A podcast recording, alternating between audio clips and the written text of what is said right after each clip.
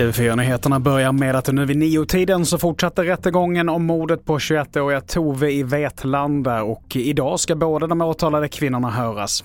Så här säger vår reporter på plats, Mikael Nilsson. För första gången så kommer vi få höra dem berätta om den där natten då Tove dödades. 20-åringen ska höras först och därefter 18-åringen. Där har försvarsadvokaten Mikael Svegfors, eh, han vill att det förhöret med 18-åringen ska hållas eh, utan 20-åringens närvaro samt åhöra.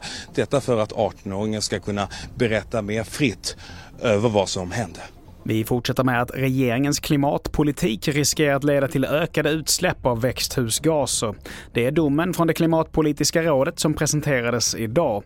Nu behövs en handlingsplan för att nå klimatmålen 2030 och nollutsläpp 2045.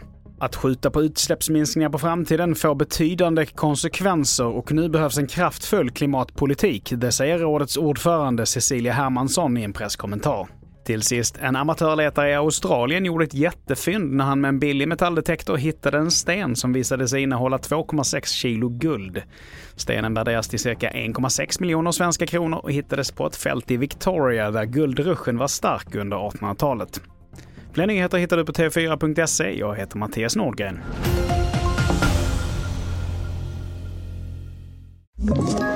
Ett poddtips från Podplay. I fallen jag aldrig glömmer djupdyker Hasse Aro i arbetet bakom några av Sveriges mest uppseendeväckande brottsutredningar. Går vi in med hemlig telefonavlyssning och, och då upplever vi att vi får en total förändring av hans beteende. Vad är det som händer nu? Vem är det som läcker? Och så säger han att jag är kriminell, jag har varit kriminell i hela mitt liv men att mörda ett barn, där går min gräns. Nya säsongen av Fallen jag aldrig glömmer på Podplay.